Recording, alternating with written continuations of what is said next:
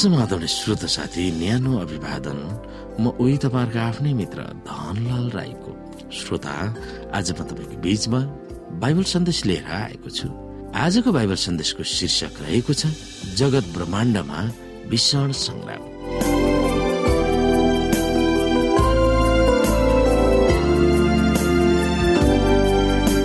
श्रोता आजको अध्याय मत्ती सत्ताइस अध्यायको पैतालिसदेखि पचासबाट यहाँ मत्ती सत्ताइस अध्यायको पैतालिसदेखि पचासमा यसुले क्रुसमा के भयावह अनुभव गर्नुभएको थियो भनेर उल्लेख गरिएको छ।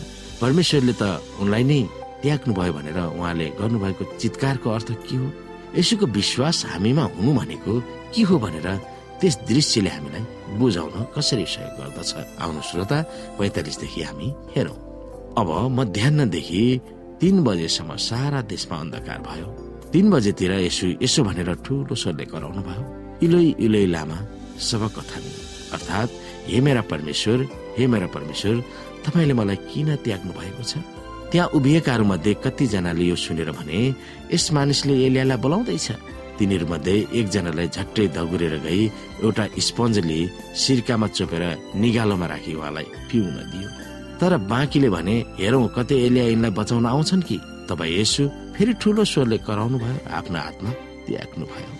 अन्धकारले छोपिरहेको समयमा यसो क्रुसमा झुन्डिरहनु भएको थियो। सारा मानव जगतको दोष दण्ड लज्जा वा बेजत र पाप उहाँले बोकिरहनु भएको थियो। त्यसबेला आफ्नो प्रिय पिताको प्रेमबाट आफू छुट्टिएको आभास पाउनु भएको थियो।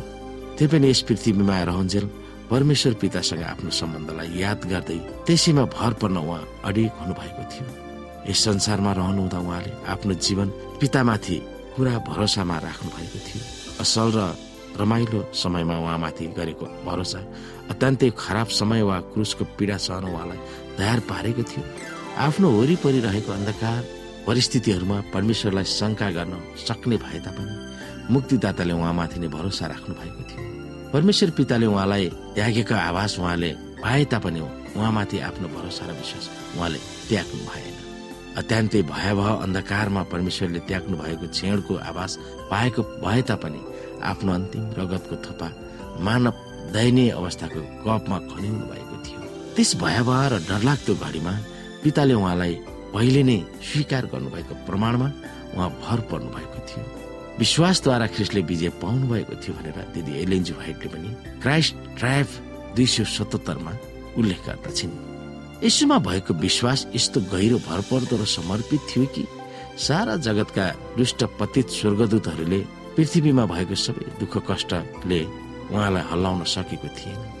देख्न नसकिनेमा भरोसा राख्ने विश्वास बुझ्न नसके पनि विश्वास गर्नु र चुडिने लागेको डोरीमा झुन्डिरहने विश्वास यसुप्रति समर्पित प्रत्येक यसु भक्तको खुबी हो।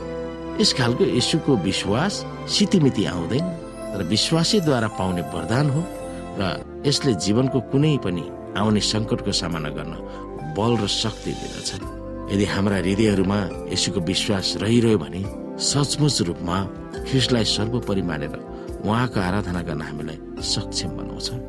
जब प्रकाशको पुस्तकमा दिएको पशुको छाप कार्यान्वयन हुन्छ त्यस बेला परमेश्वरका जनहरूलाई आउने महासङ्कटको समय उहाँप्रति वफादार भइरहन बल पाउँदछ।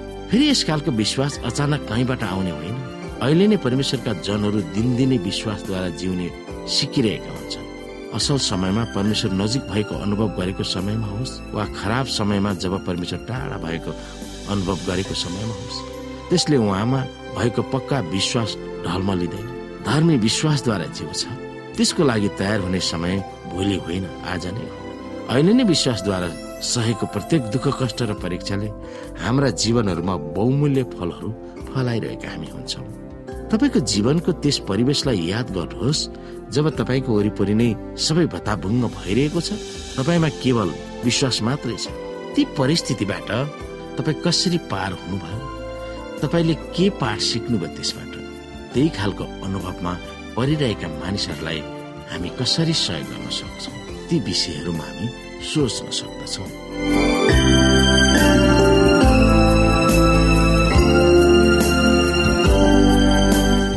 श्रोता साथी आजको लागि बाइबल सन्देश यति नै। हस्त नमस्ते जय मसिंह।